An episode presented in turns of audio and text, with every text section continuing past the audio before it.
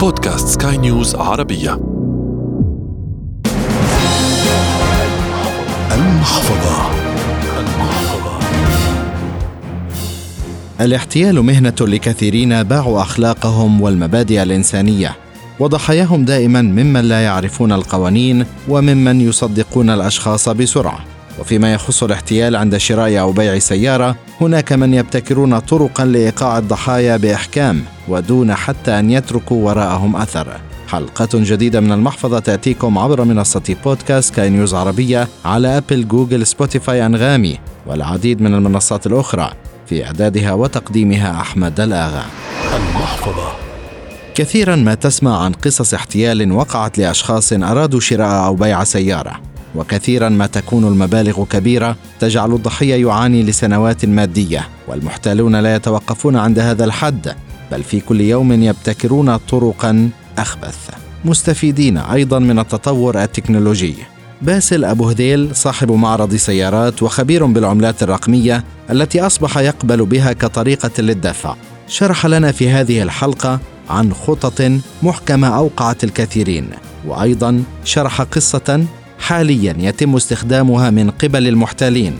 اسمعها جيدا حتى لا تكون أنت الضحية القادمة. بالبداية أنا حاب أتكلم وأركز على هذا السيناريو اللي هو دارج أخيرا في عمليات الاحتيال في السيارات تمام؟ واللي هو موضوع الشيكات المزيفة. وكان واضح العديد من الشكاوى بخصوص هذا الموضوع. حاب أنا أشرحه بالتفصيل عشان البائع والمشتري يحتاط لهذه العملية كونها الأحدث واللي هي كالتالي في عندنا ثلاث أخوي أحمد. في عندنا المشتري وفي عندنا البائع وفي عندنا المحتال. البائع بيعرض سيارته في إحدى وسائل التواصل الاجتماعي بيعرضها بسعر معين. بيقوم المحتال يتواصل معه وبيساله عن تفاصيل السيارة وبيطلب منه فحص السيارة وبيتعذر له إنه هو في مكان بعيد فهو بده يشتري السيارة بدون ما يشوفها. يعني حيشتري السيارة وحيطلب من البائع تحميلها على ريكفري وتوصيلها. بعد السؤال عن جميع تفاصيلها. بالعادة ما راح يناقش بالسعر كثير. في هذا الأثناء هو بيكون أخذ جميع المعلومات اللازمة من البائع. بيروح فورا بيتواصل المحتال مع مشتري. المشتري بالعادة بيكون تاجر أو أحد الأشخاص. يعرض السيارة عليه. سيارة مثلا قيمتها مئة ألف. البائع عرضها ب ألف. هو بيعرضها عليه بيحكي له أنا محتاج فلوس وبدي أبيع السيارة بسبعين ألف. هون السعر بالنسبة للبائع مئة ألف. مغري. وبالنسبة للمشتري سبعين ألف كمان مغري. تمام؟ وممكن حتى بستين ألف أو حتى وخمسين حيقنعوا المحتال؟ حيقنع المشتري. تمام؟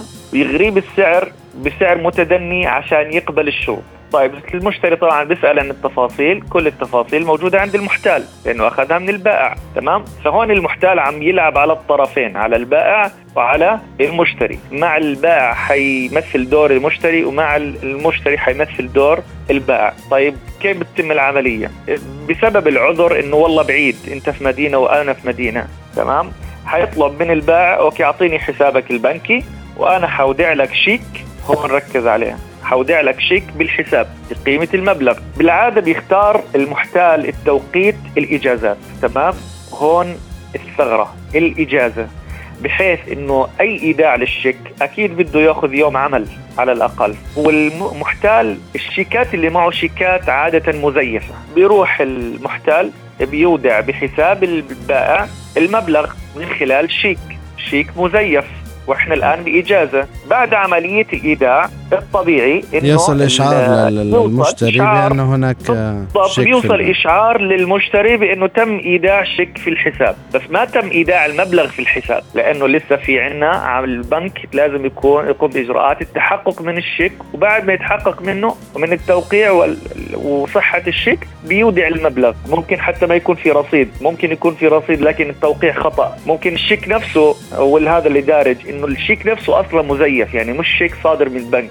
عرفت؟ لكن بيوصل الإشعار. حيقوم اللعين المحتال بالضغط على البائع بإنه إيش يعمل؟ إنه يتنازل بالسيارة، يحكي له حول لي إياها على recovery وأنا اودعت لك المبلغ ولكن ما انتبهتش إنه في إجازة، يعني حيضل يضغط عليه ويقول له أنا مستعجل أنا بدي أسافر أنا أنا أنا. بيقوم بعدين البائع لأنه طيب وعلى نيات بيقول خلص هي أودع الشيك.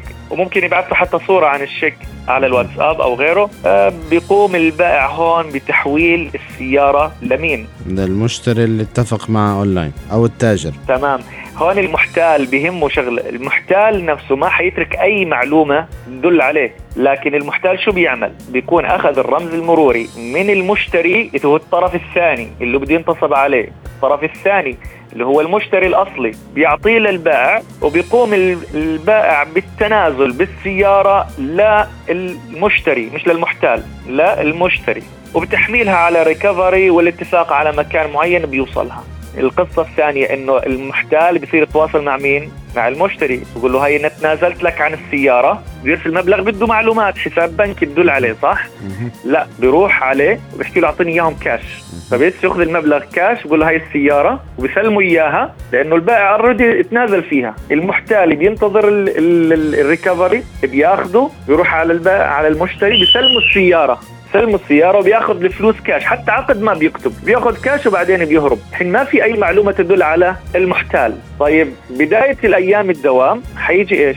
حيجي المشتري المسكين البائع عفوا بينتظر المبلغ بيتفاجأ بأنه الشيك مزيف وأنه ما في فلوس في الحساب وأنه البنك بيحكي له الشيك هذا مزيف ومش صحيح. تمام. تمام؟ وقع بالفعل. طيب الحين وين السيارة؟ تم التنازل فيها لشخص معين. بد... الحين بده يروح يشتكي. حيشتكي على مين؟ حيلتقي الضحيتين اللي هو البائع المنصوب عليه والمشتري اللي كمان منصوب عليه الاثنين حيلتقوا في المحاكم. أما المحتال حيكون أخذ فلوسه كاش وهرب. باسل أبو هذيل وصف طريقة للنصب يستخدمها المحتالون لكن عليك اتباع خطوات تقيك من الوقوع في فخ النصب في أي زمان ومكان. أهم شيء نيجي ننبه نحكي إيش؟ بنوصي الطرفين ما يتعاملوا بالشيكات ما يتعامل بالشيكات في عمليات البيع ما يتم التنازل حتى لو بده يتعامل في الشيك ما يتم التنازل بالسيارة حتى دخول المبلغ بالحساب. الإشعار الإشعار وصول إشعار للبائع بأنه تم إيداع شيك لا يعني أنه الشيك صحيح ولا يعني أنه المبلغ أنه في رصيد كافي. لذلك الأسلم هو انتظار الانتظار حتى يدخل المبلغ في الحساب. وشغلة ثانية كمان نأكد عليها بعد دخول المبلغ بالحساب نتأكد إنه اللي أودع المبلغ يعني المبلغ اللي اللي اللي تحول على هذا الحساب سواء تحويل أونلاين أو شيك تمام؟ يكون من نفس الشخص المشتري يعني من هويته. مش حدث طرف ثالث محول على حساب البنكي ما له علاقة بالسيارة. قد يكون ضحية. لذلك لابد التحقق من إيش؟ من الهوية ومن المرسل للمبلغ.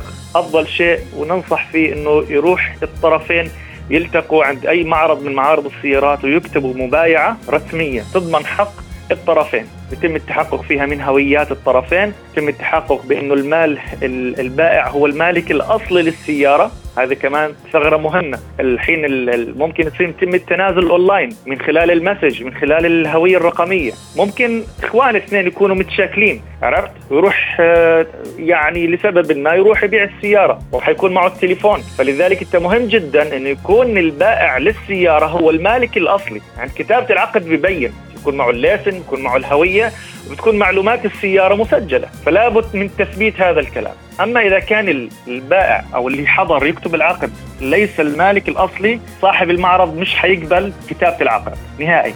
المحفظة. إلى هنا وصلنا لختام هذه الحلقة من المحفظة والتي أتتكم عبر منصة بودكاست سكاي نيوز عربية على أبل جوجل سبوتيفاي أنغامي والعديد من المنصات الأخرى. في إعدادها وتقديمها أحمد الآغا ومن الإخراج الإذاعي زاهر الرشماوي. في النهاية أنت أدرى فقرارك بين يديك. إلى اللقاء. المحفظة.